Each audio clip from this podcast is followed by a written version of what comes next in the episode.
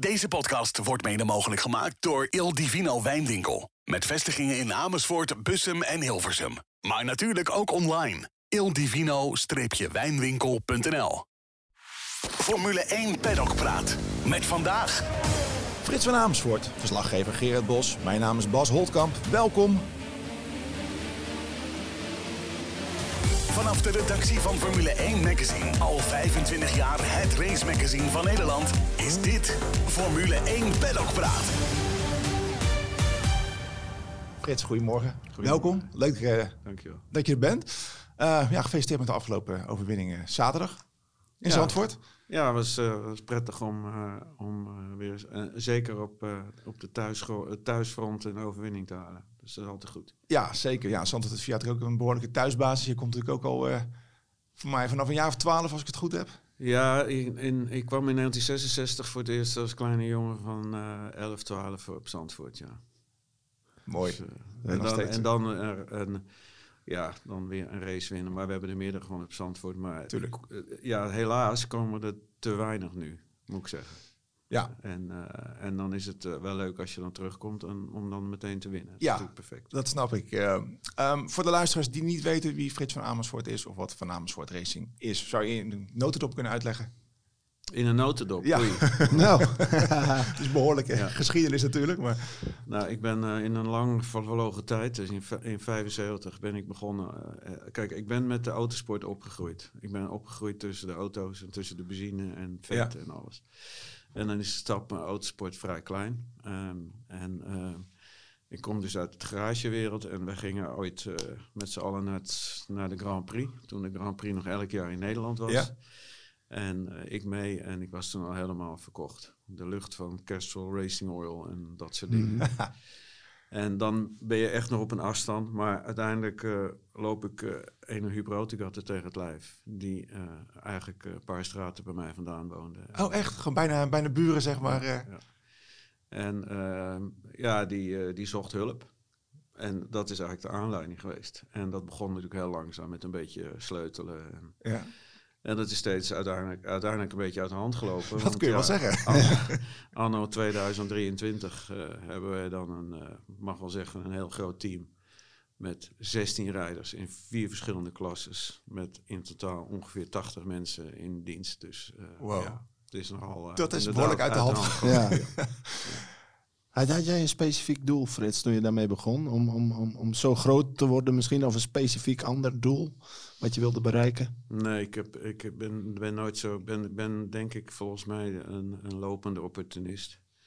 Ehm, en ik, denk- ik denk dat dat in de autosport ook gewoon onvermijdelijk is. Je kan heel slecht plannen. Het, eh, autosport is natuurlijk eh, een en al synoniem met geld. Of het meest, meestal het ontbreken van geld. Ja. Ehm, en het is heel slecht plannen. Dus je laat het toch gewoon voor een groot gedeelte over je heen komen. Ehm, maar kennelijk, en ik ben de eerste die zal zeggen van... daar heb ik nooit veel moeite voor hoeven doen. Kennelijk had ik er wel een beetje gevoel voor. Zoals autocoureurs gevoel hebben om hard te kunnen rijden... heb ik misschien altijd een beetje gevoel gehad om zo'n team te maken... En, eh, ja, en dat uit te bouwen. En uiteindelijk heb ik natuurlijk hetzelfde doel als een autocoureur. En dat is gewoon winnen. Dat, Ja. dat geeft mij hetzelfde gevoel Ja, als ja. een coureur zelf. En in principe kan zeg maar iedereen die vanaf de kartsport tot de Formule 1 komen jullie terecht, toch? Een beetje het hele spectrum Ja. eh, is bij jullie. Ja, eh, de- kijk, ik, ik, ik baag me echt niet aan kartsport. Dat, eh, die, ik noem dat heel oneerbiedig de kindertuin. Maar alhoewel, kartsport is natuurlijk de bakermat van de Ja. autosport.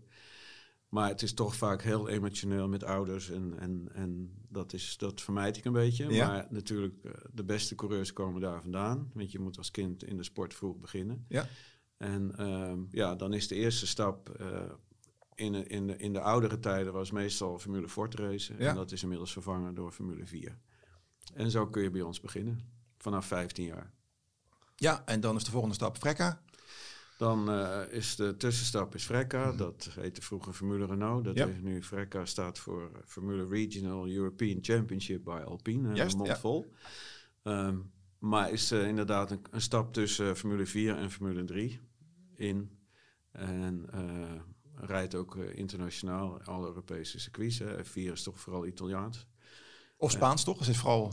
Ja, F4, F4 eh, de, de, de, de 4 heeft F4 duidelijk bedoeld als nationale klasse. Ja. En eh, dat kun je dan in, eh, in, in Europa rijden in Spanje, Italië, Engeland. ja. Helaas eh, is, is Duitsland... Ik wou zeggen, Duitsland is... eh, Ja, wij zijn begonnen in Duitse F4, maar Ja. dat is helaas weggevallen. Ehm, en dat heeft natuurlijk allemaal te maken met stroming. Kijk, de Duitse autosport is ook enorm veranderd. Ja. Autosport, hè, we hebben het al gezegd, geld. En eh, ja, helaas is de ADAC 4, ADAC F4 kampioenschap eh, ten gronde gegaan aan te weinig deelnemers, te hoge kosten en te weinig competitie. Dus, eh, zonde voor zo'n autoland als Duitsland. ja, het is, het, is, het is ook niet altijd het is heel eh, moeilijk te begrijpen. Wij begrijpen het zelf ook niet helemaal. Kijk, het is natuurlijk inderdaad eh, de automotive, eh, het automotive land van Europa, Ja. van de wereld misschien wel. Met heel veel mooie circuits. ehm, waar we vroeger heel vaak kwamen. En nu komen we, ik ga nu komend week naar Hockenheim. En het is lang geleden dat ik in Duitsland een Precies, ja. heb. Dat is, dat is bijzonder. Maar ja, dat is de ont wij denken overigens, en misschien is dat ook wel de meest logische verklaring, dat Dieselgate dat dat daar een behoorlijke impact heeft belangrijke rol Ja. in heeft gespeeld. En dat met name natuurlijk de grote autoproducenten in Duitsland hun vingers niet meer willen branden aan, eh, aan te veel internationale autosport. Waarbij het dan ook weer, even koppeling eh, naar Formule 1, ehm, dat dat ehm, even ehm, toch wel vreemd is. Want Porsche en Audi, daar gaan toch heel grote geruchten omheen. Ja. Ja, Maar goed. Maar je zou toch ook zeggen, Frits, het wemelt van de talenten in zo'n groot Europees land als Duitsland. Ehm, nou, dat is dus ook eh, helaas zo. Ja. Dat het niet zo is. Dat is toch ook opmerkelijk. Ja, ja. Ja. Ja, het is- ik denk dat dat misschien een wissel... Of, of ja, dat zijn gewoon momenten. Ik, ik kan het niet verklaren. Ik vind het jammer. Eh, ik, eh, Duitsland is... Kijk, Duitsland is een prettig land om te racen. Want het is natuurlijk... eh, we weten dat allemaal. Duitsers zijn heel gestructureerd. Ja.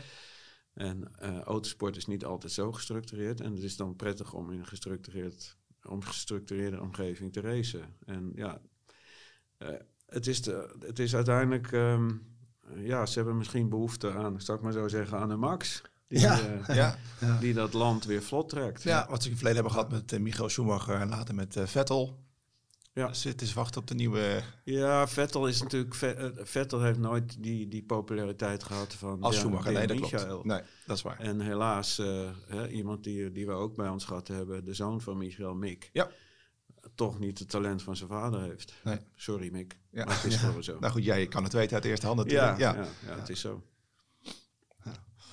Eh, maar goed, dan hebben we dus eh, die twee klasses gehad. En dan kon je daarna door naar de Formule 3. Dat is natuurlijk eh, wereld, eh, wereldwijd. Ja, eh, Formule 3 eh, nog niet helemaal. Het is vooral Europa met één overzeese race. Hè. We beginnen F3 altijd in Bahrein. Oh ja. Ehm, en eh, na de Formule 3 eh, dan eh, F2. Ja. En jullie zijn sinds twee jaar actief in de Formule 2, Ja, we toch? zijn twee jaar geleden begonnen met F2 en F3. Ehm, we zijn natuurlijk, kijk, ik heb F3 nog heel erg in mijn hart zitten, maar dan heb ik het over de oude F3, Mhm, zoals de autosportliefhebbers dat kennen. En ook Max heeft de oude F3 gereden. Ja. Maar ja, ook daar zijn natuurlijk eh, dingen in veranderd. En het hele F3-wereldje is opgepakt door, eh, door Bruno Michel. Bruno Michel is de organisator van die twee klasses. Ja. En daarmee is het een, heeft het ook wel een enorme stap gemaakt. En je ziet dan zie je ook gewoon hoe belangrijk het is dat één promotor, één organisator dat oppakt. Ja. Maar je zegt, ik mis wel een beetje het oude Formule 3. Wat, wat mis je daaraan, zeg maar? ja, dat is, dat, is, dat vraag ik me ook wel eens af. Oh. Dat, dat is een beetje gek. Gevoel Kijk, of... eh, Nou, F, F, F3 is, een- is een klasse die, eh, laten we zeggen, nooit natuurlijk het niveau van Formule 1 gehaald heeft. nee. Maar wel ongeveer dezelfde omgeving had. Dus je mocht eh, vrij veel technisch gezien. Ehm, het was een auto die toch, laten we zeggen, niet zoveel geld kostte als een Formule 1 runner. Maar het was, het was een klein Formule 1'tje. Ja, en precies. eh, en eh, het was ontegenzeggelijk, eh, ik denk 25 jaar of langer zo, dat om internationaal te kunnen doorbreken, moest je kunnen laten zien in een Formule 3 wat je kon. Ja. Een auto met relatief weinig, weinig vermogen, maar met heel veel wegligging. Ja. Waarbij ik als coureur zijnde toch ja, moest laten zien van als ik dat kan, dan, Dan is de overstap naar Formule 1 goed te doen. En dat hebben we bij Max natuurlijk ook weer gezien, maar ook bij Jos. Ja. En dat is nu dus anders met de huidige wagens, vind jij? Nou ja, dat, eh, er is natuurlijk weer zoveel veranderd. F3 is, is duidelijk een, een ander karakter geworden. Maar het is nog wel logisch om al die stappen te doorlopen natuurlijk. Ja. Maar het is niet per se nodig meer. Oké. Nou, maar F3 is nu gewoon een schakel geworden in die keten. Ja, precies. Hè, een treedje op die ladder. En het, daarvoor was het toch meer eigenstaand, zeg maar. Had Ja. het toch meer prestige voor mijn gevoel hè, in die tijd. Ja, het, was, eh, ja, ik, ik vind van wel. Je had Ja. natuurlijk ook eh, hè, de, de, de, de klas, eh, je had Duits F3, Engels F3, Ja. Italiaans F3, Daarom. zelfs nog Spaans F3 gehad. En fameus in Zandvoort natuurlijk, we kwamen één jaar samen in Zandvoort voor de Masters. Ja, Ja. En, en, het- en aan het eind van het seizoen gingen we allemaal naar Macau. ja precies. En dat, eh, ja, goed. Het is jammer, het is ter ziele, het is niet anders. Eh, F3 is nu autosport in, in, onze, in onze hoek, dus in de single-seaters. Het zijn oneerbiedig gezegd allemaal eenheidsworsten. En De auto's zijn allemaal hetzelfde. Je mag eigenlijk heel weinig eh, nog beginnen. Ja. Maar ja, het is wat het is. Uiteindelijk wil je gewoon races winnen. En dan moet je het maar doen met hetgeen wat, waar je het mee moet doen. Ja. Vind je het wel logisch, Frits, dat ze bij de FIA die ladder hebben gecreëerd van F4, F3, F2, dat, ze dat, dat mensen die, die sprongen zo maken of die stappen zo zetten, vind je dat een, een logische keuze? Of- Ik geloof niet dat de FIA heel veel nadenkt over logische keuzes en Nee. logische stappen. De FIA denkt helemaal niet zo heel erg na over, over alles buiten de Formule 1. Helaas, moet ik zeggen. ja. ja, want zo wordt het wel altijd gepresenteerd. Hè? Zo Ja. kijk, ons is een ladder ontwikkelen voor talent enzovoort. Ja, dat, eh, dat, eh, dat is typisch. Ja. Weet je, de, de, de FIA en, en, en ik word nu misschien een beetje bij de FIA zelf. Er zitten ook eh, hele goede Nederlanders bij de FIA, maar ik meen me toch te mogen permitteren om dat te zeggen. FIA denkt niet zoveel na. Met name, wat me met name heel erg stoort nu, is dat het F4-kampioens, de F4-kampioenschappen eigenlijk gewoon totaal ontsporen door veel te hoge kosten. En ehm, daar heeft de FIA destijds niet goed over nagedacht. Eh, maar ze denken één keer na en vervolgens houden ze op met nadenken en houden ze ook op met monitoren. En ehm, ja, dan is het beroerde van onze autosporters, van alle autosporters, dan is het hek van de dam. En dan moet je daar continu aan blijven werken. Maar dat gebeurt niet. En ja, dat is onherroepelijk. Dat is niet te vermijden in, in een technologische sport. Dan Ja. blijven de kosten oplopen. En dat zie je in F4 nu. F4 is belachelijk duur geworden. Wat, wat, wat is ongeveer op jaarbasis, eh, wat zijn de kosten? Nou, F4 Italiaans is over het algemeen het best aangeschreven, het meest competitieve. Ehm, en dan praat je al over gauw een half miljoen. dus en- degenen die heel goed zijn in de kartsport, die willen openstappen naar Formule 4, moeten dus al een half miljoen hebben Ja. om... Ja. Waarbij ze in de, in, in de kartsport hebben ze dat probleem ook, Ja. in zekere zin. Eh, maar ja, eh, ik vind het niet meer reëel. Maar het, het, het, het is een ontwikkeling die, gewoon, die je niet tegen kan houden, Ja. tenzij je daar reglementaire maatregelen Precies. overneemt. En blijft nemen natuurlijk. Je moet, alles in het leven moet voortdurend eh, gestuurd worden. Ja, maar goed, zoals ik het zo een beetje voel, is het zeg maar de, de kans dat er een talent met weinig geld doorbreekt, is hierdoor steeds kleiner geworden. Denk het wel, ja. Ja. Denk het Maar, maar de kans dat er dus een talent eh, met heel weinig geld dus niet doorbreekt, dus dat je wat mist aan talent, is dus weer heel groot geworden. Dat er dus heel veel talent verloren gaat. Ja, dat bedoel ik eigenlijk. Ja. Ja, ken je, heel veel, ken je ook Ja. veel voorbeelden dat je denkt van, oh jongen, die en die, die was toen zo goed. Nou, er zijn, er zijn best wel veel voorbeelden. Ik kan er zo even niet eh voor de geven, maar de, de meeste natuurlijk. Maar dat moet ook schrijnend zijn voor een autosportliefhebber, zeg Ja. maar. Voor, voor iemand als jij. Ja, die kijk, het is- talentontwikkeling het is, hoog in het vaandel heeft staan. Het is, ja, het is zelfs voor de, eh, de grote groep Nederlandse autocoureurs een groot probleem. ja. En ehm, kijk, om, om Max uiteindelijk in de Formule 3 te krijgen, moesten we ook heel veel voor doen destijds. Ja. Kijk, nu eh, springt iedereen aan boord. Nu wil iedereen eh, Ja. zeg maar bij Max op de auto. Maar toen, Maar toen was het even iets anders. Ja, ja, en, ehm, en dat geldt natuurlijk voor alle Nederlanders die, laten we zeggen, niet ook die achternaam hebben. Ja, En, ehm, en dat maakt het, eh, ja, dat, dat is heel vervelend voor iedereen. En er zijn dus in het verleden initiatieven geweest om daar wat aan te doen. Hè. KNAF Talent First, eh, Precies. doe maar. Er zijn, maar ook die zijn over het algemeen geen lang leven beschoren. Ehm, en dat is altijd gewoon heel jammer. Kijk, eh, natuurlijk zou het mooiste zijn als zo'n sport gewoon echt de kans geeft om jonge talenten, die ook, waarvan je ook echt mag zeggen van die doen er heel veel voor, om die een kans te geven. Maar dat, ja, dat gaat meestal kapot aan het gebrek aan geld. ja. je hebben het net over Nederlanders. Dan hebben behoorlijk wat bekende Nederlandse autocoureurs voor jou gereden natuurlijk. Eh, Jos Verstappen, eh, Tom Coronel. Eh, Christian Albers, als ik het goed heb. Zeker, Eh, ja. Max Verstappen natuurlijk. Eh, Renger van der Zanden. Guido van der Garde. Guido van der Garde. Ja, wie eigenlijk niet. Doornbos. Nee, nee, Robert, nee, Robert, Robert en ik hebben nooit samen iets nee, gedaan. maar als je verder kijkt, behoorlijk wat. Blekenmolen niet, denk ik. Ja, Jeroen Bleekmolen heeft ook bij ons gereden. Ja. Kortom, Ja, ja, ja, we zijn, ja, als je internationaal bezig bent, dan komen Nederlanders natuurlijk gauw langs. ja. En ik vind, ook, ik vind het ook leuk om met Nederlanders te werken. Het is Ja. natuurlijk, eh, ja, je begrijpt elkaar wat makkelijker. En het is natuurlijk lange tijd zo geweest dat we, dat Nederlandse autosport ook, eh, dat wij daar duidelijk een, een rol in speelden. Ja. Inmiddels is de, moet ik zeggen, helaas, de Nederlandse autosport is niet veel meer. Mhm. Dus het is veel internationaler geworden. Waardoor ook, eh, zeg maar, ook Nederlanders vaak al uitwijken naar buitenlandse teams. Ja, ze precies. rijden in de karten al in een buitenlands team. ja. En dan is de stap kleiner. Om Ja. dan ook daar, ja. Ja. Ja. Dat zien we nu ook aan eh, Jan, of eh, de, de zoon van Jan Lammers natuurlijk, René Lammers. Die gaat ook de overstap maken naar de Formule 4. Ja. Je hebt me onlangs nog gesproken voor het magazine natuurlijk. eh. Ja, ja wordt overal gezien als een, als een groot talent. Hè. Ik bedoel, eh, Europees kampioen karten, tweede bij het WK, voor wat dat zegt. Want dat is dan één wedstrijd. Mhm. dus, het- maar vooral dat EK, dat staat wel, wel aangeschreven, hoog aangeschreven. En eh, ze gaan Formule 4 rijden. Ze willen, ja, in 2029 willen ze dan eigenlijk wel klaar zijn voor de Formule 1, is het plan. Maar ja, goed, dat is allemaal een plan, hè, op, een- op papier. Ja, het plan kan ook eh, veranderen. Je weet nooit wat er allemaal gebeurt. Maar eh, ze hebben er wel vertrouwen in. En eh, ja, de instelling is ook een beetje... als je hard kan rijden in een kart... dan eh, kan dat vast ook in de Formule 4. Ik weet niet of Frits dit, Nou, dat dat, ook is, zo ziet. dat gaat over het algemeen wel op, ja. ja, die Tuurlijk, stap is wel... eh, Tuurlijk. ja, Weet je, er zijn eigenlijk... ehm, eh, het, wil niet, de, de uitzon, het is een uitzondering als het niet lukt, laat ik Ja. het zo stellen. ja.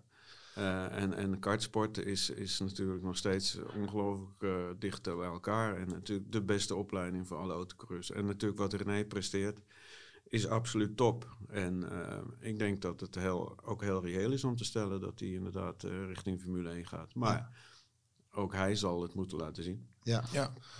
Je hebt het over de kartsport. Hebben jullie ook scouts rondlopen om daar al talenten op te pikken? Hoe, hoe, hoe werkt dat? Hoe, hoe krijgen jullie je nieuwe aanwas? Mm, Ja, dat is eigenlijk niet nodig. Oké. Ehm, dat gaat vanzelf. Ja, jullie je, zijn zo'n eh, naam dat iedereen... Ja, maar je, je weet eigenlijk al vrij snel. eh, kijk, auto, autocoureurs en kartsport die echt, laten we zeggen, van de buitencategorie gaan worden. Of Ja. die dreigen, die worden al vrij vroeg eh, gesignaleerd door allerlei management, mensen, mannen, drij- bedrijven. Ja, En eh, die gaan uiteindelijk wel vrij snel al lopen winkelen van wat kunnen we met hem, wat kunnen we met hem. precies. Ehm, dus dat, dat gaat eigenlijk vanzelf. Maar hoe beoordeel jij dan of iemand ook daadwerkelijk zo goed is als die wordt aangeprezen? Want die hebben, ze hebben natuurlijk een belang om, om, om, hem, om diegene aan te prijzen, jong- Ja, dan- jongens of meiden. Ja, testen is natuurlijk daar het Ja. toverwoord. Ja, maar je kunt ook niet iedereen testen. Je moet een schifting maken, denk ik dan. Eerst. Ja, zoals dat, die periode. We hebben komend weekend ook nog een, een laatste F4-race. Ja. En dan, Ja. daarna gaat het wintertesten beginnen. Ja.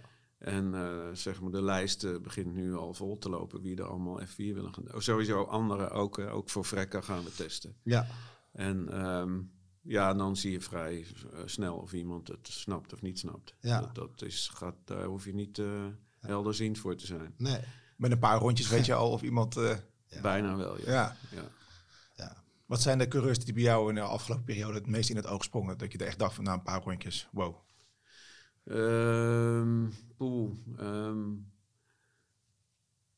nou, we hebben de, de, de, de, eh, we hebben er eerlijk gezegd de laatste paar jaar in F4, de laatste twee jaar in F4 zitten we er niet helemaal bij, moet ik okay. eerlijkheidshalve zeggen. Ehm, dan eh, moet ik helaas, nou dat klinkt nou een beetje lullig, maar eh, we hebben natuurlijk één enorm grote concurrent in de nationale, in, sorry, in de, in de, in de, dat is Prema, Ja. Prema eh, Italiaanse team. Ehm, die verdomd goed in staat is om de talenten voor onze neus weg te kapen. Ehm, die hebben de laatste jaar- paar jaar echt hele grote talenten gehad. Eh, wij hebben dit jaar op F4 iets en vorig jaar ook iets minder moeten doen. Eh, we hebben dit jaar, onze beste coureur dit jaar is Luca Badoer. Ja. Nee, ik De zeg zoon van? Zo, nee, ik zeg het weer fout, zie je wel, dat doe ik vaak. Ja, dat gaat leeftijd gaat een rol tellen. Het is Brando Badoer, Ja. de zoon van Luca. Ja. Ehm, die is wel, denk ik, heel goed. Hij is ook in, eh, bij McLaren eh, Ja. in het vizier. Ehm, maar ik zie ook gisteren weer dat hij toch wel een, een, een moeilijk heeft met, eh, met Ugo, Ugo Chukwu. Mooie naam, hè? Alleen op die naam zou je hem al bijna... Ja, ja, ja. Ehm, maar ook een uh, Poolse coureur die heel erg verrassend is, die ik heel uh, hoog heb zitten. Dat is, die, uh, die rijdt dan bij het Duits team nog. Ja. Kasper Tsuka. Um, ja, dat zijn net even de betere talenten. Ja. Um, wij hebben hopelijk een Freddy Slater uit Engeland, die, Ja. die er dichtbij zit. Maar het is wel weer een gevecht om die aan boord te krijgen. Ja. Het, uh, voor, een, voor een raceteam is het, is het soms knokken als je net niet uh, die kampioen levert. En dan wordt het toch, dat is, dat is al van oudsher gedacht. Ja, van, ja. ja, die auto is toch net een beetje beter. Um, en dan kan je er net niet aankomen. Maar dat, dat gevecht, is, daar zijn we mee bezig. Ja. En, en ik hoop. Maar um, ja, kijk, we hebben natuurlijk Cas in, F, in de VK, die duidelijk in F4 ook heel bijzonder goed was. in Vreken ook goed is. Um, en uh, ja, ik, ik, ik, ik, kan heel even niet zo uh, bedenken wie namen. Um, maar ook als je bijvoorbeeld kijkt in de jaren hiervoor, zeg maar. Je hebt natuurlijk Max gehad, je hebt uh, Leclerc, heb je ook een team gehad. Ja. Dat waren wel jongens waarvan je gelijk dacht, ja. die kunnen een potje sturen. Die, uh, ja, dat was je, hoef je, nogmaals, daar hoef je niet anders zien voor te zijn. Nee.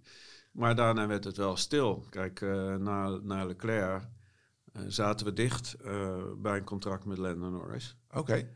Um, maar die ontglipte dan net door. Kijk, het, het is ook zo'n zo'n zo'n deal. Tot, het is ook net being on the right place in the right moment. Ja, ja. Ja, ja. En um, kijk, uh, Charles en Ma kijk, Max was natuurlijk laat dicht bij huis. Ja. Charles um, uh, was ook, kijk, met name lastig is, is om Engelse. Engels is natuurlijk uh, toch een continent, uh, nou, het continent is een land waar veel autosport is. Ja. En uh, we hoeven nu niet onder stoelen bang dat Engelsen nogal chauvinistisch zijn. Ja. Dus die kiezen toch wat meer en gauwer voor een Engels team. Ja. Vaak omdat ze daar natuurlijk ook hun carrière al begonnen zijn. Precies. Uh, maar ik had natuurlijk Lando graag gehad. Ja, dat snap Uh, ik. Ja, maar dat lukte dan even net niet. Um, wij hebben het uiteindelijk toen moeten kiezen, kiezen deal kunnen doen met Callum Arlett. Um, die denk ik nog steeds een heel verdienstelijk autocoureur is, maar natuurlijk geen Formule 1 materiaal Ja. is geworden. Mhm. Maar rijdt wel al sinds jaar en dag in IndyCars. Um, dan, uh, en dan is, uh, ja, dat is natuurlijk een beetje de, de, de, het, het tragische tussen aanhalingstekens. En als je dan zo'n, zo'n zeg maar net niet de beste meer hebt, dan, dan, dan, dan glij je een beetje af. Dat klinkt heel erg dramatisch, maar... Maar ik snap wat je bedoelt. Als je Ja. de, de kampioen Ja. kon leveren, dan kijkt iedereen naar jouw team Ja. en dan wil iedereen... Ja, dan wil iedereen bij je Ja. rijden en dan is het geld ook wat makkelijker. Ja. Maar dan uiteindelijk door omstandigheden lukt het even net niet. Ja. En dan krijg je toch gauw van, nou, die snapt het niet meer. Ja, Die- die- en voor je het dan- weet zit je in zo'n neerwaartse Ja. spiraal Ja. en dan... Dus je, die, Maar het lastige natuurlijk is, en dat is het, eh, als, als mensen bij ons op bezoek komen ook, wat is nou, wat is nou het geheim van die, het lastige van die autosport is dat je bent ook een gewoon bedrijf. Ja.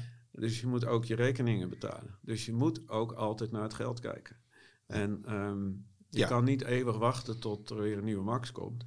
Want dan heb je jaren erbij dat je helemaal niet rijdt. Dat Nee, kan natuurlijk niet. en de Dus rekeningen moet- moeten worden betaald. Dus je Precies, kiest af dus- en toe ook voor een coureur die misschien wat meer Ja, ja. geld dan talent heeft. Tuurlijk. Ja, we hadden een aantal maanden geleden hadden we je con-collega Sander Dorsman zitten en die beaamde ook van ja, je moet af en toe gewoon, het is een beetje de balans tussen talent en een, Precies, iemand met geld. Ja, Ja. En, en dat, dat continu eh vingerspitsen en Ja. continu op je tenen lopen, kijken wat je kan doen, eh, hoe je een deal, risico nemen. Ja, Eh, ook dat.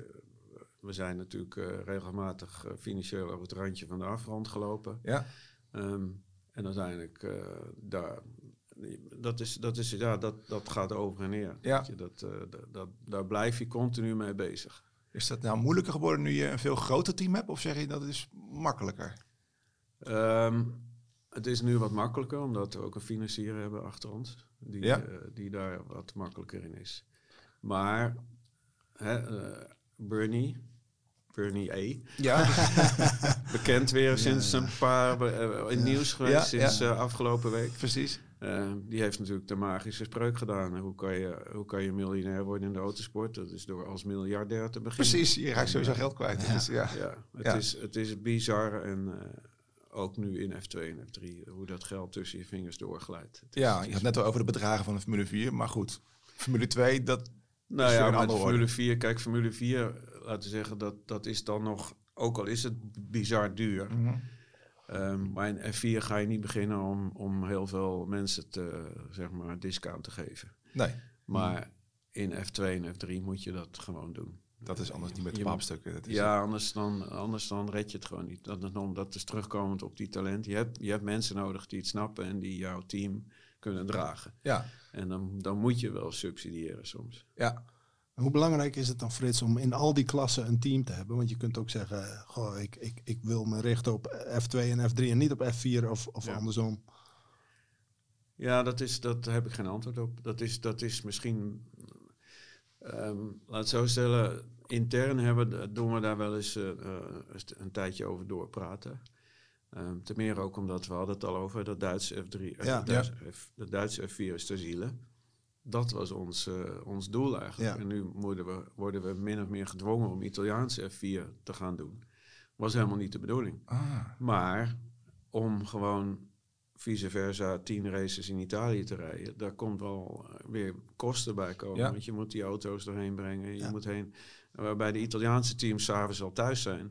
eh, Ja. Moeten ze bij ons nog een nachtje in het hotel en moeten ze s ochtends eh, precies. in het vliegtuig weer terug naar huis. Allemaal kosten opdrijvend. Ja. Ehm, en dat, dat is eigenlijk best wel even lastig om daarover na te denken. Maar ik geloof wel dat die staircase, zoals we dat noemen, belangrijk is. Want daar komt de opportunist om de hoek kijken. Mhm. Er zal toch maar een Max 2.0 op staan. Ja. in F4. Ja, Ja, ja, ja. dan, Dan wil je die hebben. Dan wil je die Ja, hebben. precies. En dan wil je die bijhouden. Ja. Tot, tot, eh, tot en met eh, Formule 2. ja. En eh, ja, dat is eigenlijk ook waarom je het doet. ja. Zijn er coureurs geweest die, of gebeurt dat geregeld, die alle stappen bij jullie doorlopen, zeg maar? Of is het toch vaak wisselingen van teams? Ja, ja dat is weer zo- dat is weer zo'n grappig eh, verschijnsel dan. Lo- loyaliteit is niet altijd even Nee. dichtbij voor autocoureurs. Want autocoureurs zijn over het algemeen net zo opportunistisch als ik. Ik wou net zeggen. En dat is ook wel begrijpelijk. ja, maar toch wil je dat, dat doen. ja, Gek genoeg. Dat is ook een beetje. eh, eh, ik kom natuurlijk. eh, er zijn ook veel collega's van mij die dat ook al lang doen. Die zeggen van ja, je moet. waarvoor doe je dat er niet bij en dat er niet bij? Ik vind nog steeds een uitdaging en leuk om met jonge mensen aan het werk te zijn die de Ja. top van de sport willen bereiken. Ik, je zal mij ook nooit in een historisch evenement zien of zo. nee. Ik vind oude Formule 1 auto's prachtig.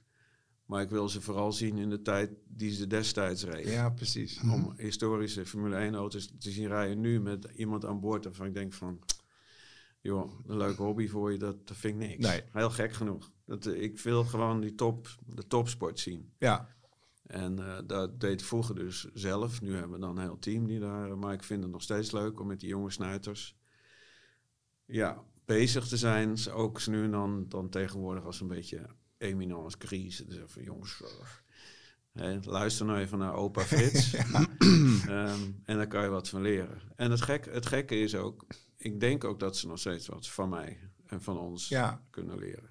Want wat doen jullie allemaal qua coaching en begeleiding, training en dat soort dingen? Wat Eigenlijk niet zoveel. Oké, dat niet. Nou ja, d- kijk, uiteindelijk, als het moet wel. Kijk, Ja. uiteindelijk, eh, kijk, iemand die heel snel is en heel veel races wint, daar hoef je niet zoveel aan te doen. Nee.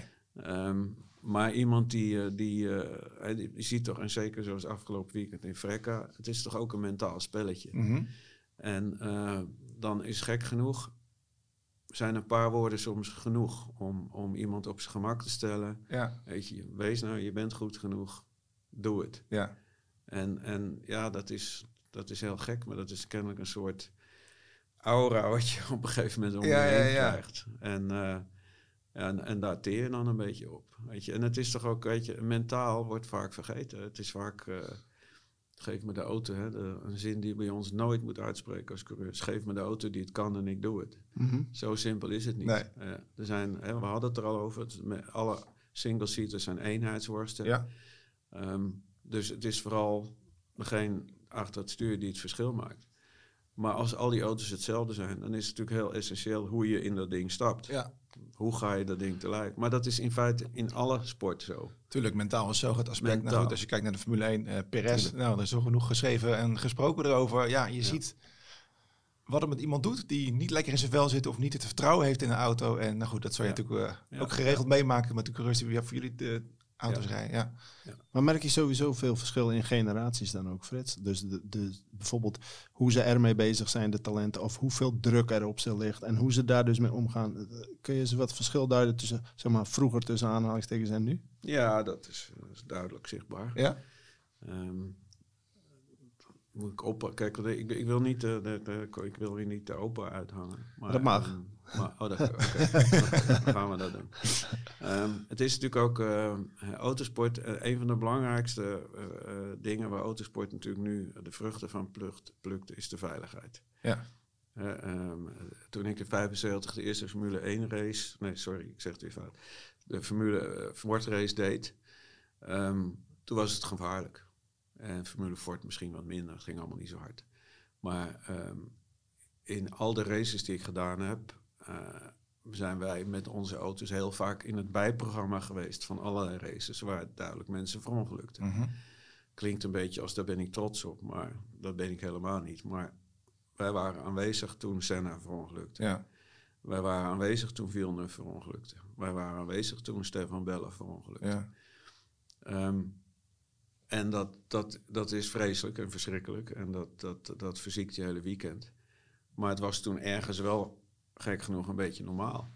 Want dat was autosport in die Ja. tijd. En, ehm, maar dat bracht natuurlijk dan ook mensen voort die inderdaad bereid waren om die drempel over te stappen. om dat risico te nemen. Bijna hun leven wilden wagen om... Ja. ja. Ja, en ehm, dat is natuurlijk met het toenemen van de veiligheid, is dat best wel heel sterk veranderd. En eh, ondanks het feit dat we helaas eh, dit jaar weer geconfronteerd zijn met een fataal ongeluk van Ja. Milano, is natuurlijk toch het wel behoorlijk veilig geworden. En daarmee open je natuurlijk wel een, eh, een mogelijkheid om allerlei mensen er in die auto's te stoppen die, laten we zeggen, eh, daar geen probleem mee hebben. Ik, eh, ik heb, het is misschien wel een leuke anekdote. We hebben natuurlijk ook zonen van. Mhm. niet alleen de zoon van Jos, maar ook, hij rijdt inmiddels dan niet meer bij ons, maar de zoon van Emerson Fittipaldi. Ja. Ehm, Emerson was dit weekend op Zandvoort voor zijn zoon. Die rijdt nu ook in Frecco, dan niet bij ons. Maar Mhm. Ehm, ik heb, eh, we hebben getest met de zoon van Ricardo Patrese. Ehm, leuke, leuke dingen. Kijk, die, die, man, die mensen die leefden toen ook in de wetenschap van ik kan morgen dood zijn. Ja. En als je die verhalen hoort, weet je, dat is, dat is fantastisch om te horen wat die allemaal voor gekkigheid uithaalden. En plezier hadden Ja. In het, in het, in het leven. En ook plezier hadden in het risico nemen. Eh, en dat is, dat is dus duidelijk allemaal veranderd. Maar het waren ook mannen. En, en de, de, de, de- laten we zeggen, de mensen van mijn leeftijd die nog steeds autosport volgen in zijn hele breedte. Ja, die, die gasten die reden ook het ene weekend met een F1 en het weekend erop op Le Mans. En Ja. eh, met alles en nog wat. Race, race, race, race. race, Ja. gewoon alles waar wielen onder zaten en Ja. een stuur in zat.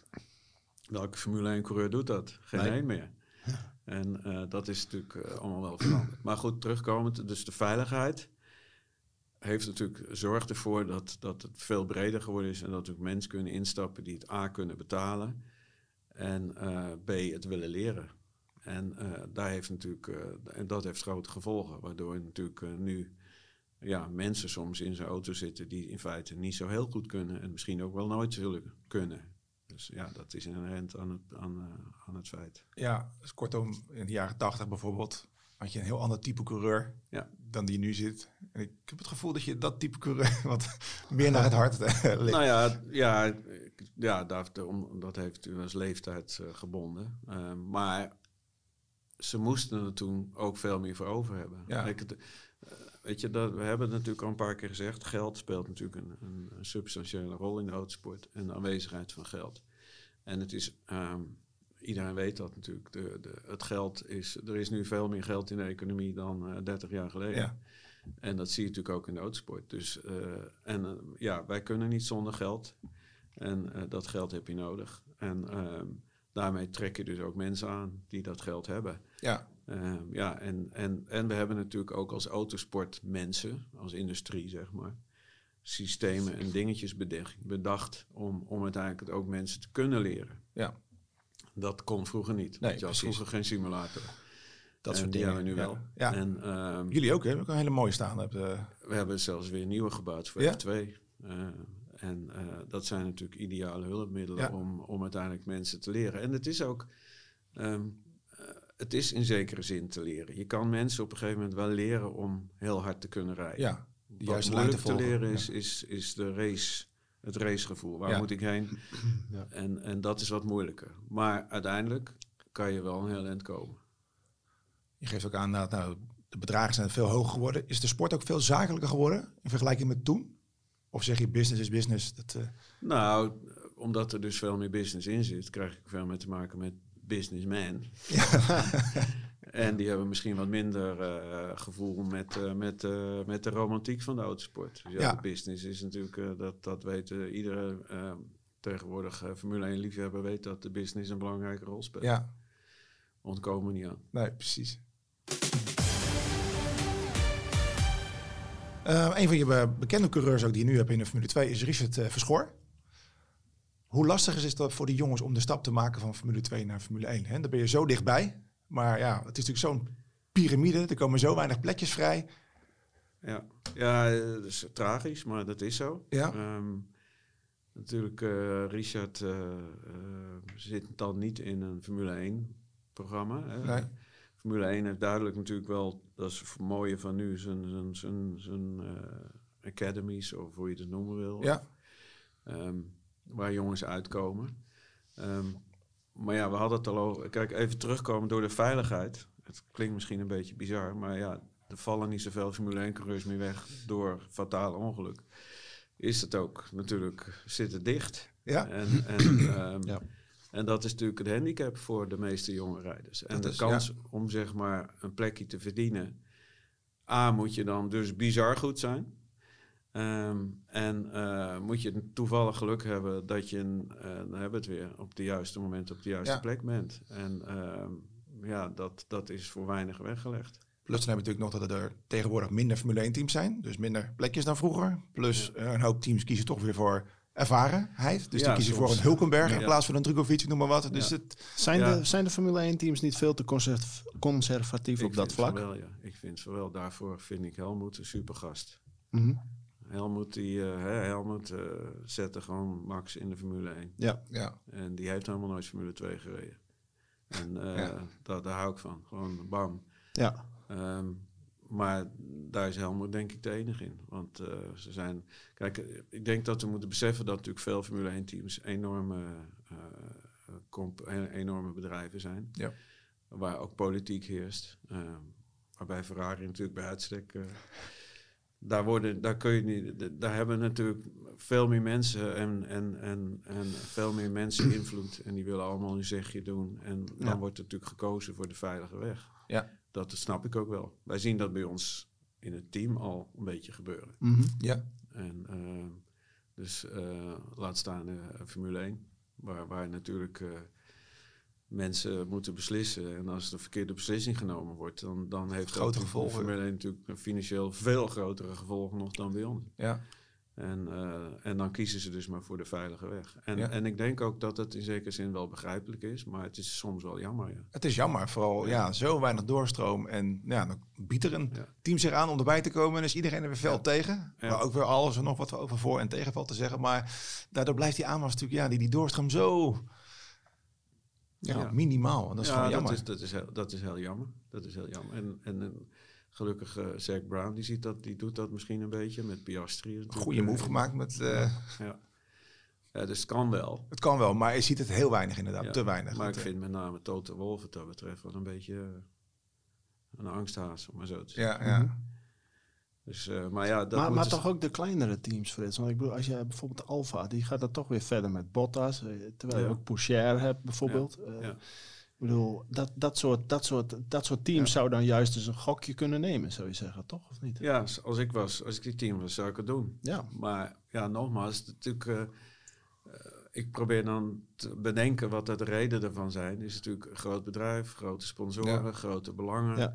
Ehm, de kans dat het misgaat, eh, hè, uiteindelijk ik durf het eh, zeg maar in, in deze opstelling wel te zeggen natuurlijk. eh Haas nam het risico met Mick. Ja. Ja, En je ziet hoe fout dat ging. Maar namen ze die omdat ze, omdat ze dachten dat hij zo goed was? Of namen ze die omdat hij marketingtechnisch toch ook wel interessant was in Duitsland enzovoort? Dat, die laatste zal Ja. waarschijnlijk een grote reden geweest zijn. Ja, maar dan zie je toch dat zelfs dat niet genoeg is om Nee. uiteindelijk dat plekje veilig, veilig te Nee, stellen. dus ehm, eh, het is denk ik een, mooie, een mooi voorbeeld van, van, van iets waardoor een, team dat durft. ja. En uiteindelijk toch eh, onderuit gaat. Ja. En, en, maar, en, en, en ja, dat is natuurlijk pijnlijk. Ja. Vervelend voor de, voor de sponsoren. Ja. Eh, dus dat speelt allemaal wel een rol. Waardoor je automatisch kiest voor, voor of automatisch toch gauw kiest voor een, voor een zekere factor. Je ziet het ook bij Williams natuurlijk met Sargent, die ook eh, afgelopen paar races al een behoorlijk wat brokstuk heeft gemaakt. Waardoor je, ja, dat, helpt, dat draagt ook niet echt bij om te kiezen voor. Ja, ik vind Sargent vind ik het moeilijke. Sargent was in F2 best wel heel goed. Ja. Beter dan Lawson in principe. Ja, Maar in de Formule 1 lijkt het andersom. ja.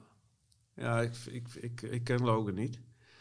Ik ken Liam wel. Ja, die reed ook voor jullie toch? Ja. Ja, ja. Ja. En ehm, ja, dat team, die jongen, dat, eh, dat, dat, die, dat, die heeft mijn hart. Liam. Ja, ja. Vertel, wat is er zo bijzonder Ja, aan? vind ik zo'n aardige kabouter. Ja? Eh, ik zie hem nog voor me toen hij bij ons binnenkwam in 2018 met, eh, vanuit Nieuw-Zeeland. Korte broekje aan in de winter. Witte, witte sportsokken hoog opgetrokken. en ja, je ziet dat, ja, dat is weer zo'n gevoel. Dat je helemaal leeft, helemaal voor de sport. ja. Heeft ook een, beetje eh, een beetje met zijn achtergrond te maken. Ik, ik, heb, eh, ik, ik geloof daar een beetje in, maar dat is misschien een beetje dom of een beetje. maar Nieuw-Zeelanders zijn mensen die passen perfect in het autosportplaatje, omdat het een beetje nog de mensen zijn, zeg maar, van de autosporters anno 1970, 80. ja, precies. Eh, Het is een, een, een beetje, sorry voor de Nieuw-Zeelanders, een beetje boersland. Waar mensen gewoon, ze moeten, om, om wat te kunnen presteren in de autosport, moeten ze altijd enorm ver weg. Ja, En ehm, hè, de, de- het is natuurlijk, eh, het staat in menig boek geschreven. Senna f- eh, moest ook eh, het, het prachtige, warme, zonrijke ja. Copacabana verlaten om voor het koude, donker- regenachtige Engeland. ja, in, in donker. eh, bij, hè, wij begon destijds bij, bij Van Diemen in de Formule Ja. Ford. Op Snetterton, waar het altijd regende. precies. En, en dat schept natuurlijk, ja, daardoor krijg je natuurlijk van, je moet die drempel weer over. Ja, je moet heel veel offers brengen om Ja. dat te doen. Dus Ja. dat geldt misschien ook voor iemand als Piastri, die ook van ver Ja, komt. zeker, En, ja. zeker, zeker. En dat geldt voor Liam net zo goed. ja. Was je verbaasd met zijn optreden? Dat hij zo gelijk zo goed uit de startblokken kwam in de Formule 1? Voor die paar Nee, inhaalraces. ik had wel verwacht. Ja? Ja, ja, ja. Ook een jongen, ik denk van ja, die kan dat. Maar ehm, ja, ook omdat hij daar gewoon mentaal gewoon goed eh, geschikt in is. En eh, ik heb misschien wel eens, eh, Liam was bij ons al weg. En toen hadden wij nog een, een test, twee dagen test over in Spanje, vlak voor de kerst. En we hadden toen iemand in de auto waarvan we niet helemaal overtuigd waren, zeg maar. En dan is het mooi om iemand ernaast te zetten die, waarvan je weet, die kan het. Ja. En eh, ik belde Liam op. En, eh, maar die, zat al, die was al thuis voor de kerst. Die zat dus al in Nieuw-Zeeland. En ik zei, ja, nou ja, oké, dat is niet anders. Hij zei, maar wat is er aan de hand, Frits? Ja, nou ja, we hebben nog een auto vrij voor twee dagen in Valencia. Eh, maar ja, weet je, nee, nou, ik kom. ik kom. En die is dus eigenlijk meteen in het vliegtuig gestapt. Die heeft dus langer in het vliegtuig gezeten Dan in die auto. dan in die auto, twee dagen. Ehm, ja, dat vind ik van die dingen, denk ik van, als je dat doet, Ja.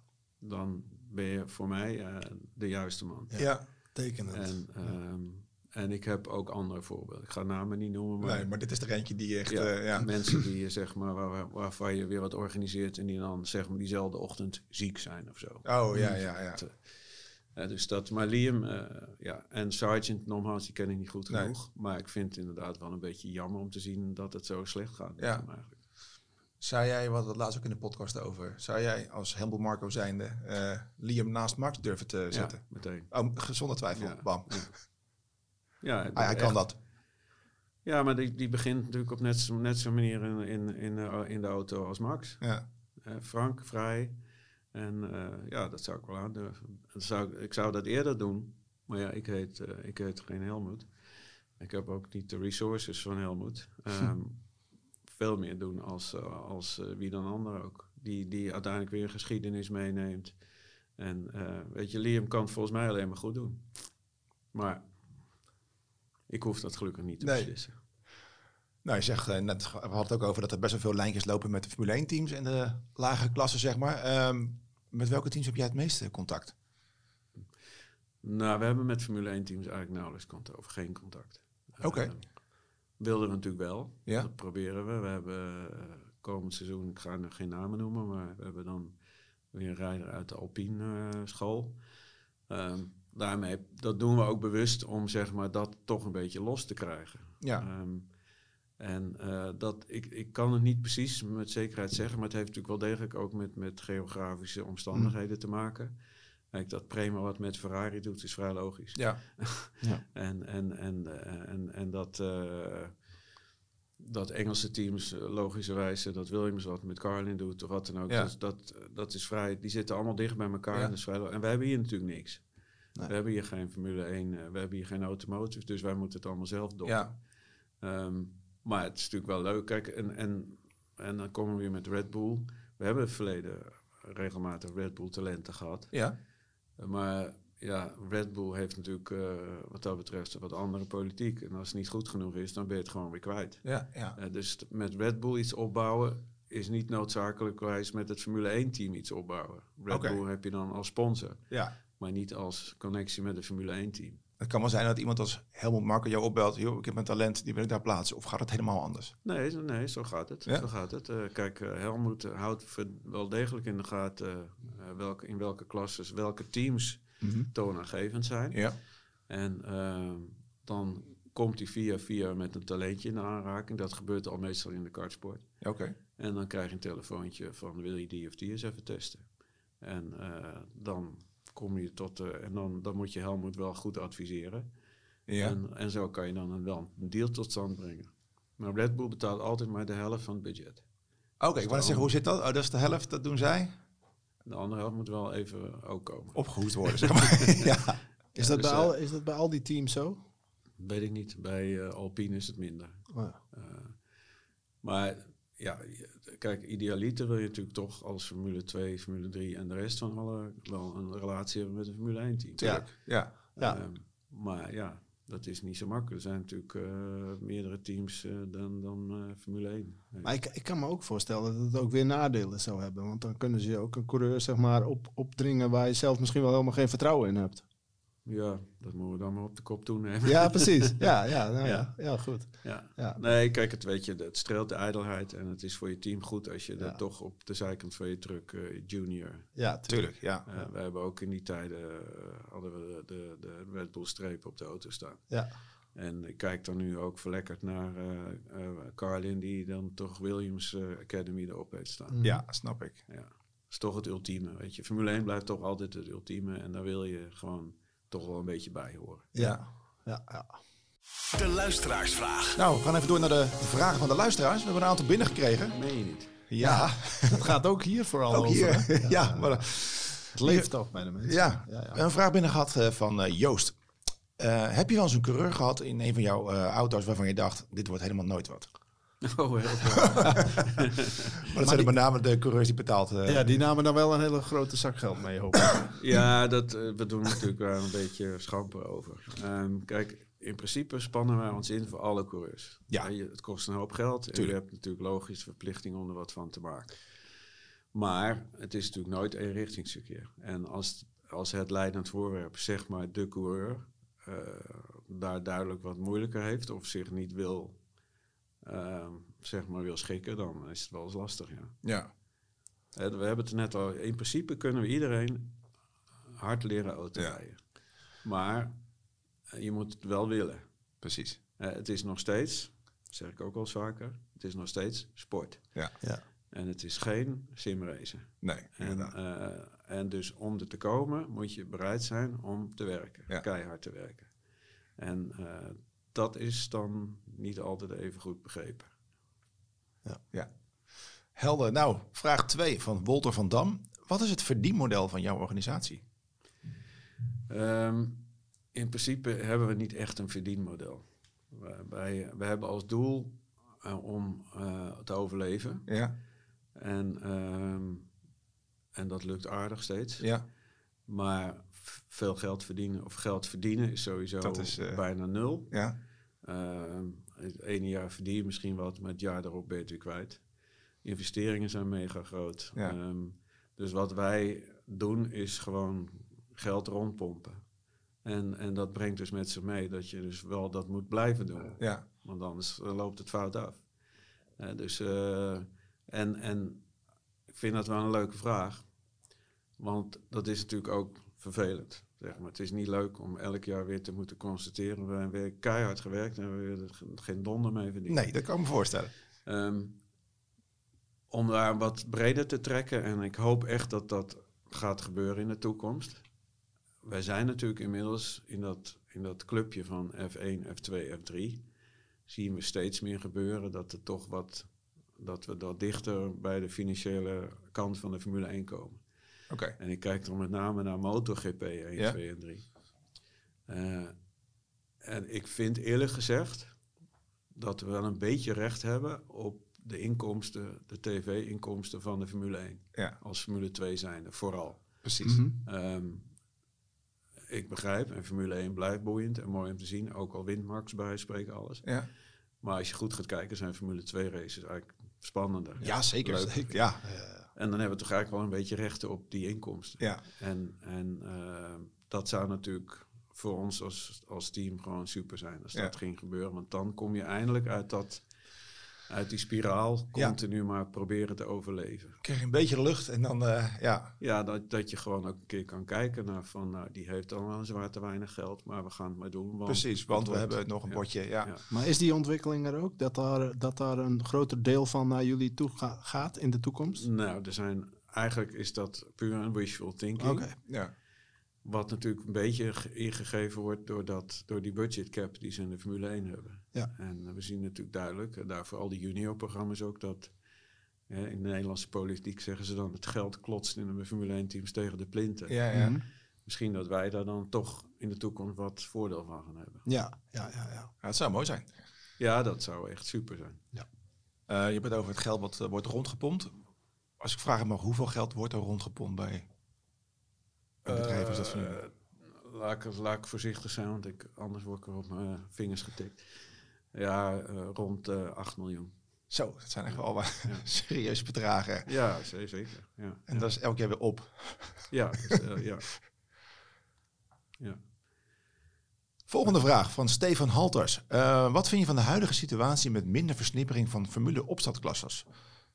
Is het beter of was het juist goed dat er meer concurrentie tussen was met de World Series en die diverse Formule 3 eh, kampioenschappen? Het was eh, leuk om te zien.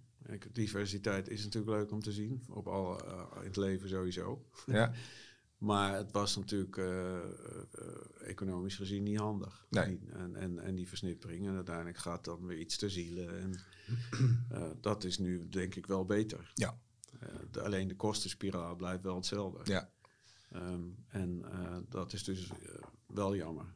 En dat, dat, maar dan gaan we weer naar de VIA kijken. ja precies. Dat ga ik niet meer doen. Nee. Maar de- inderdaad, het, kijk, in het verleden was het natuurlijk super mooi. Je had Formule Ford, Formule Ford 2000, eh, Formule weet ik veel wat. Weet je, als, als, eh, ik heb op Facebook ben ik lid van Oud Zandvoort. Ja.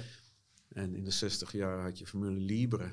Uh, waar reden formuleauto's tussen de toerwagens door. En als je dat nu ziet, denk je van mijn hemel. Hoe dan? Maar het, hoe dan, ja. Maar het gebeurde. Ja, En dat, dat, is, dat, dat is dan nu niet Ja, meer zo. nee. En, en wat ik net al eerder zei, ja, het is wel een beetje allemaal een eenheidsworst geweest. Kijk, eh, Formule 1 is natuurlijk bij uitstek nog de klasse, de technologische hoogste klasse, waar creatieve geesten hun, hun, hun eh, ideeën kunnen botvieren.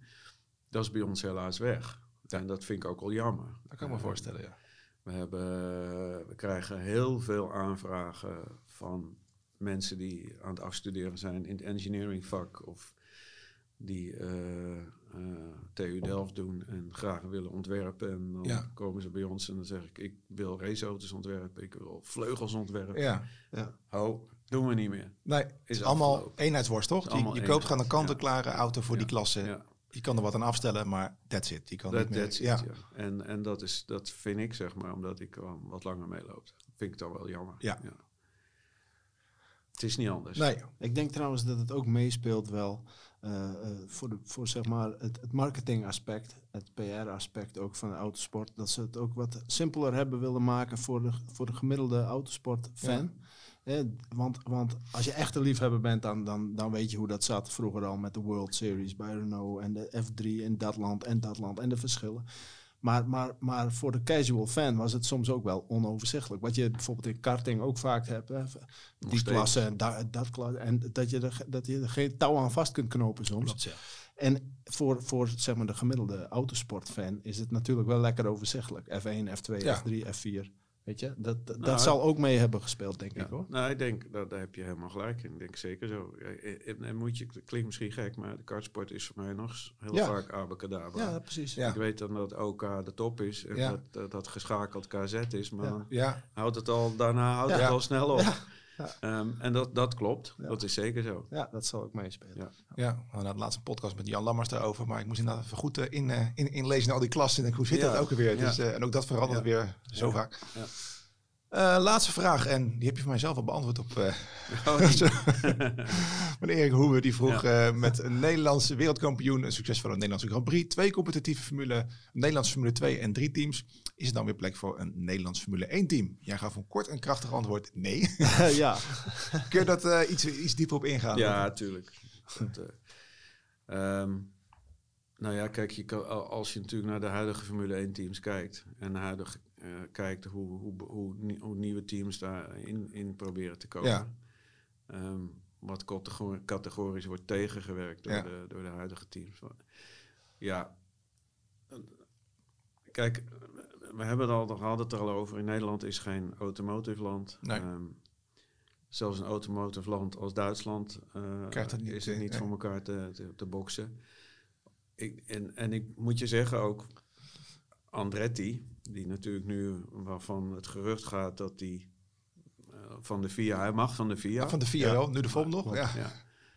Ehm, ik vind het een waagstuk. Maar goed, misschien vanuit de Ita- Amerikaanse economie dat, dat doen. Ik, ik, ik kan het niet, ik kan alleen maar eh, vanuit mijn gevoel denken van... Kijk, Formule 1 heeft die budget cap.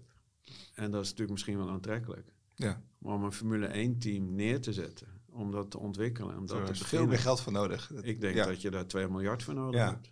Ja, waar, waar komt dat vandaan? Precies, dus die andere teams hadden dat al klaar, zeg maar. En dan die cap, dat kan. Maar starten vanaf van Starten scratch, Vanaf nee. scratch, eh, weet je. Of je zou een team moeten kopen, net zoals met Audi en... eh, Nou ja, in feite. Red Bull is natuurlijk ook, eh, uiteindelijk was Ja. ooit ook Jaguar. Jaguar, en, klopt, en, ja. Hè, en en, en Alfa Tauri was Ja. vroeger Minardi. En het precies. zijn allemaal doorontwikkelde, doorontwikkelde, bedrijven. ja. Maar zei ook om- Helmut Marko zei ook van dat Andretti beter een team kon opkopen als Alpine of zo, gaf hij aan van joh, dat is veel makkelijker. En dan, Ja, Ja. ja.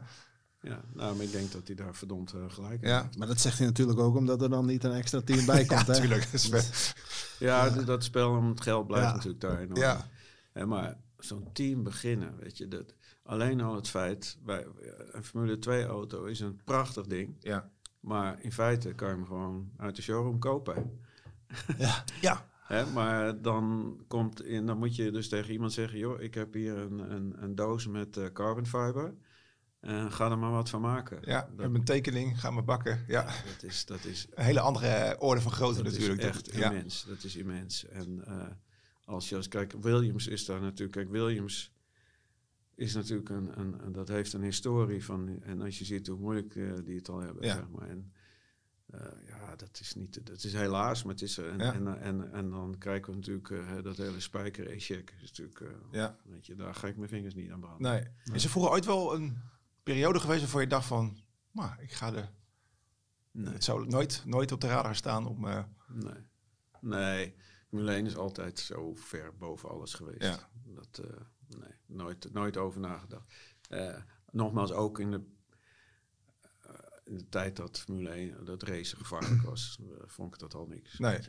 Kijk, eh, F2 ben ik al, hè. F2, zo'n ook gaat hard, hè. Weet je, en, Ja. en dat voel je als verantwoordelijkheid ook.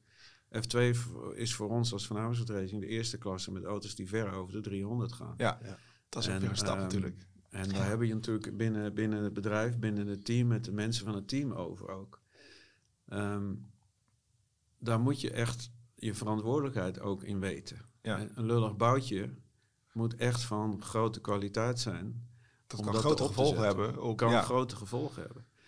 En eh, kijk, een ongeluk is altijd. Dat kan ook in een lage klasse gebeuren. Hè, maar auto's, eh, met auto's werken die substantieel altijd boven de 300 komen, Ja. moet je gewoon zorgen dat dat gewoon rockvast, gewoon veilig is. ja, Voor zover het in je mogelijkheden precies.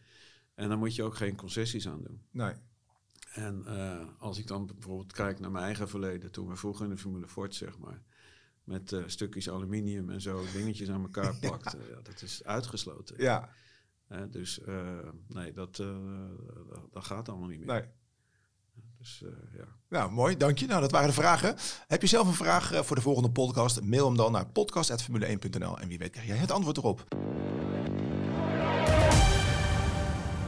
Geert, geef de bal even van jou. Het nieuwe magazine ligt sinds afgelopen donderdag in de winkel. Wat kunnen onze lezers er allemaal eh, in terug eh, vinden? Ja, prachtig mooi goudgekleurde cover. Eh, terecht natuurlijk, want het gaat vooral over het kampioenschap van Max Verstappen, kampioensnummer. Wereldtitel nummer drie, dus eh, letterlijk en figuurlijk eh, goud waard. Ehm, da- daar eh, hebben we allerlei aandacht voor in de vorm van mooie verhalen uit Qatar. Ehm, met achter de schermen het een en ander. Prachtig beeld natuurlijk ook over zijn wereldtitel. zijn reis daar naartoe ook dit seizoen. Ehm, maar we bespreken dat volop ook met andere mensen. Bijvoorbeeld Christian Horner. Een mooi groot interview eh, waarin hij vertelt hoe het, eh, hoe het nou echt is. Dat werken met Max Verstappen. En ehm, ook Ronald Koeman, bondscoach van Ja. eh, Oranje. Ehm, een, een, een, mooie, mooi beeld van, van buitenaf, zullen we maar zeggen. Hij heeft natuurlijk ook met wereldkampioenen gewerkt, zoals Lionel Messi. Hoe verhoudt zich dat nou, wereldkampioen uit het voetbal, ten opzichte van autosport? Ja. En, en, en persoonlijkheden zoals Max, Koeman heeft een mening. En eh, die laat hij ook even doorschemeren in het verhaal. Dus eh, komt, eh, komt dat zien. Er is natuurlijk veel meer, want we, we bespraken het net al even. We hebben ook een dubbel interview met Jan en René Lammers over hun traject naar het kampioenschap. En ook het traject naar de Formule 1, wat ze Ja. hebben uitgekiend. Een, een strak plan, letterlijk en figuurlijk. Ehm, daarnaast eh, F1, si- F1 eh, insider Graham Watson. Eh, bekend van, eh, vanuit de, de columns in het blad. eh, laat ook dit keer weer zijn licht schijnen op wat actualiteit. En ook de rol van Max, Max Verstappen in, in de Formule 1. De waarde daarvan ook. Nou, dit en nog veel meer moois kun je allemaal lezen in het, in het meest recente nummer. Dus op de mat of in de winkel, let op de goudgekleurde cover. Je kunt hem ook online bestellen. Je kunt daarvoor alles lezen op eh, formule1.nl. Ja, dankjewel Gerard. We gaan hem afronden. We gaan, ja, maken ons op voor de komende Formule 1 race natuurlijk. Eh, gaan we nog verrassende dingen zien nu Max de titel binnen heeft? Of eh, Frits, zeg je, hij gaat ook hier gewoon zeker weer voor de overwinning. Mm, Dat denk ik wel. Ja. Ja, toch. Weet je, Zal toch wel, hè? Ja, eh, help me even. We hebben nog Austin, Mexico, Brazilië. Ja, nou, dat. eh, En Las Vegas en Oh ja, Abu Dhabi. Ja, ja Abu Dhabi, daar Ja. mag ik zelf ook nog naartoe. Ja. Ja, dan heb je nog een race. hè? Ja. Dus er is nog wat te winnen voor Max. Ja, zeker. Ja. Nog meer records. eh, Ja, en eh, het zijn eh, circuits die, eh, die passen, eh, die de Red Bull passen. Ja. Nou, die passen Max ook. Dus eh, Max, eh, let's go. ja, Ja, en vergis je niet, hè, je zag het in Qatar ook. Hij is zo ontspannen, jongen. Ook na- richting die titel. Ik was er zelf bij. Hè. Totaal geen stress. Het vertrouwen is sky high. En de gretigheid ook. Het is niet dat hij nu gaat freewheelen en denkt van... ja, ik ben kampioen, het zal me wel. Nee, in tegendeel. Hij wil juist gewoon doorgaan met winnen. Ja, dat, daar zijn ook alle ingrediënten voor Ja. natuurlijk. Hè. Dus eh, ik bedoel, Red Bull, eh, ja... McLaren, dat wordt wel interessant hoor. Wat die nog gaat doen in de laatste Die zijn sterk teruggekomen, Die ja. zijn wel echt sterk, eh, echt, echt dichtbij nu. en een strijd om P2. Ik bedoel, Perez heeft nog maar 30 punten voorsprong op Hamilton. Ja, Vijf races te gaan. In deze vorm eh, wordt het lastig voor hem. Ja, ja zeker. Ja, ja. ja, maar dat is ook het mooie van Formule 1. Er blijven altijd verhalen om, Ja. om te vertellen of om te volgen. Want ook de strijd tussen Mercedes en Ferrari nog. De strijd tussen Hamilton en Russell misschien ook wel. Hè? Dat, in Qatar eh, kreeg het ook weer een nieuwe dimensie. Precies. Dus ja, benieuwd hoe dat allemaal weer gaat. Dus, eh, En voor jullie, eh, hoeveel races staan er nog op het programma, Frits? Ehm, wij rijden komend weekend eh, met Frekka nog in Hockenheim. Ja. Met eh, Formule 4 doen we nog de Eurocup 4. Dat is het Europese kampioenschap van F4. Dit jaar voor het eerst eh, in het leven geroepen. Leuk. In Barcelona. Ja? En dan ehm, gaan we midden november nog naar Macau met Formule 3. Voor het Altijd een feestje, toch? Altijd een feestje. Weer terug naar de COVID-jaren. Ja. Komt Formule 3 weer terug. En, um, en we eindigen het seizoen dan in Abu Dhabi met de laatste F2-race. En uh, daarachteraan dan nog drie postseason F2-tests. Ah, Oké. Om het F2-kampioenschap eigenlijk, eigenlijk het, het, seizoen 2024 al te beginnen, zeg maar. Ja, ja. Ja, want uh, mag je in F2 mag je niet veel testen. Dus die, drie race, die drie dagen zijn wel van mega belang. Ja. En, um, en wij krijgen een hete winter. want terugkomend uit Abu Dhabi krijgen we vrij snel de nieuwe auto, de nieuwe F2-auto. Ja, is die heel anders dan... Totaal anders. Ja, wat... Totaal. wat dat is een mini Formule 1 met diezelfde type voorvleugel. Ja. Uh, met een hele, als de, als de mensen het ziet, een hele bijzondere achtervleugel. Ik oh, wacht, het werd een aantal ja, maanden geleden gepresenteerd. Ja, ik weet het. Ja, ja. Hij is in Monza gepresenteerd. Ja, ja dat was het. Ja. ja, die achtervleugel, dat is een soort van testcase toch? Als dit goed gaat, gaan willen ze het ook naar de Formule 1. Ja. Toch, dat is het ja. idee. Ja, het, uh, ik, ik, het, uh, beetje, ik ben te conservatief om het mooi te vinden, maar het is met alles zo. Ja. De Halo vond in het begin ook vreselijk. Ja, en nu en nu, hoort ja. er gewoon bij. Dus, uh, maar dat wordt spannend, want die auto die zal ongetwijfeld, hè, dat is voor de luisteraars misschien leuk. Je koopt een auto, maar die is nooit compleet. Dus Oké. Het is net hetzelfde als dat je een, een, nieuwe straatauto bestelt en er zit geen stuur in. Uh, dat gebeurt ons allemaal. Dus dat wordt allemaal weer interessant hoe dat gebeurt. Om te kijken hoe alles aankomt, wat je mist en wat... Uh, ja. Ja. Nou, dan moet die auto moet natuurlijk uh, opgebouwd worden. Ja. En een raceauto opbouwen betekent gewoon van scratch af alles weer opnieuw doen. Um, dan moet daar uiteindelijk moeten we half januari mogen we dan een roll-out doen met die auto. Ja. Uh, waarschijnlijk in Zuid-Spanje ergens. En dan tegen die tijd komt ook auto nummer 2.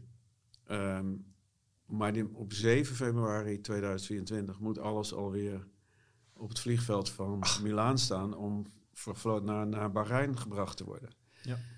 Um, al wordt leuk. Dat wordt een Dat uitdaging. wordt hè? leuk. Ja, kijk, F3 moet ook naar Bahrein. Ja, Maar die hebben geen nieuwe auto. dat is... Ja, Dat dus, scheelt, eh, ja. ja. en dan eh, vergeet niet één. De motoren moeten in de tussentijd ook nog even gereviseerd worden bij Mechachrome. Dus eh, dat wordt, eh, wordt echt wel door. Want die blijven wel gelijk? Motoren blijft hetzelfde. Ja. Ja. En dan zeg maar los van F2 en F3 moeten natuurlijk de Frecca en F4 teams die gaan zich weer voorbereiden. Dus die gaan tot meestal een week voor kerstmis uh, blijven die testen. En, uh, die nu nog in Italië. En dan Ja. tegen de tijd december wordt Italië al een beetje te koud. En dan gaan we naar Spanje. En dan uh, ja, meestal zo kerstavond is alles weer thuis. Zo. Maar ik hoor het, wordt een hele...